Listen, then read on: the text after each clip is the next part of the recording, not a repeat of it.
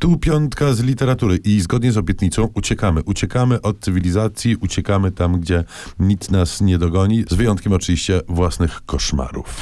Zacznijmy od ucieczki na Wyspy Pacyfiku, bo tam przynosi nas akcja drugiej, wydanej po polsku, a pierwszej oryginalnie napisanej powieści Hani Yanagihary, którą wszyscy doskonale znają z ogromnego sukcesu, jakim była jej powieść pod tytułem Małe Życie, a teraz dostajemy powieść pod tytułem Ludzie na drzewach. No i umówmy się, Wyspy Południowego Pacyfiku to jest taki raj na ziemi, gdzie e, nigdy nie ma zimy, zawsze świeci słońce i jak już pada, to tylko przez kilka minut po południu.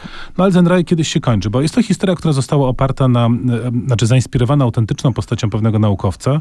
Tutaj e, bohater, przyszły noblista, który nazywa się Norton Perina, dociera w sumie trochę przypadkiem na no, fikcyjne tak naprawdę wyspy pacyficzne i tam spotyka bardzo dziwnych ludzi, którzy pod wpływem pewnych działań, konkretnie chodzi o specyficzny składnik diety, cieszą się długowiecznością, ale ta długowieczność y, odbywa się kosztem sprawności umysłowej, czyli żyją długo, są w świetnej formie fizycznej, natomiast przestają w ogóle kontaktować i łapać świat, który ich otacza.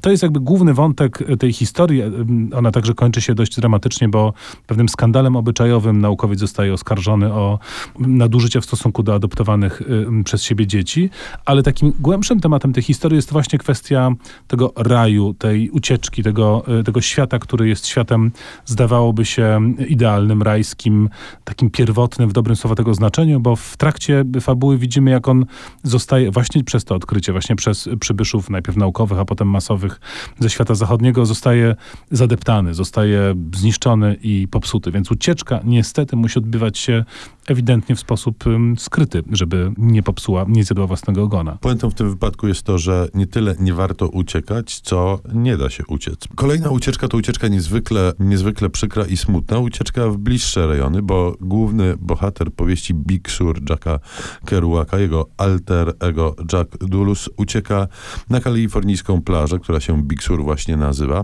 Tam zresztą w rzeczywistości bywał autor. Tam była taka posiadłość Lorenza Ferlinget Gettiego, poety e, Bitnickiego, e, ale tu w książce alter ego autora Jack Dulus ucieka przed nie tylko światem, ale też światem, który sam współtworzył. To znaczy światem, w którym jest rozpoznawalnym autorem, światem, który ma wobec niego konkretne oczekiwania. No i to wszystko niestety kończy się jak najgorzej. Ta ucieczka jeszcze głębiej wpędza głównego bohatera w odmęty alkoholowego szaleństwa, kończy się powrotem do miasta, powrotem, który prowadzi do dalszego upadku i rozkładu mm, osobowości głównego bohatera. Tu wycieczka skończyła się totalnym fiaskiem. No, bohater Kerouaka ucieka samotniczo, ale gdyby tak się zwinąć całą rodziną i gdzieś wybrać jakieś bardzo interesujące i odległe od cywilizacji miejsce, tak robi bohater powieści Wybrzeże Moskitów, e, prozatorskiego dzieła Paula Theroux, który to u nas świeci ostatnio e, triumfy przede wszystkim jako autor książek podróżniczych, non-fictionowych, ale warto pamiętać, że jako prozaik świetny on również jest. Wybrzeże Moskitów opowiada właśnie o, o historię no, rodziny, przede wszystkim jej głowy męskiej, że tak się wyrażę, czyli bohatera męskiego tej historii, który, z którym sympatyzujemy z początku ewidentnie, bo, no bo to fajny pomysł. On rzeczywiście chce uciec od takiej doraźnej cywilizacyjnej nudy i przenosi się gdzieś tam do Hondurasu, gdzieś w głąb puszczy, całą rodziną po to, żeby przeżyć takie prawdziwe, autentyczne życie na łonie przyrody. No tylko, że z I czasem odkrywamy... Się. No właśnie, odkrywamy, że ten pan aż tak sympatyczny nie jest i że przeniesienie się w głąb puszczy będzie przynosiło ogromne, ogromną, bardzo wysoką cenę, którą cała rodzina będzie będzie musiała zapłacić.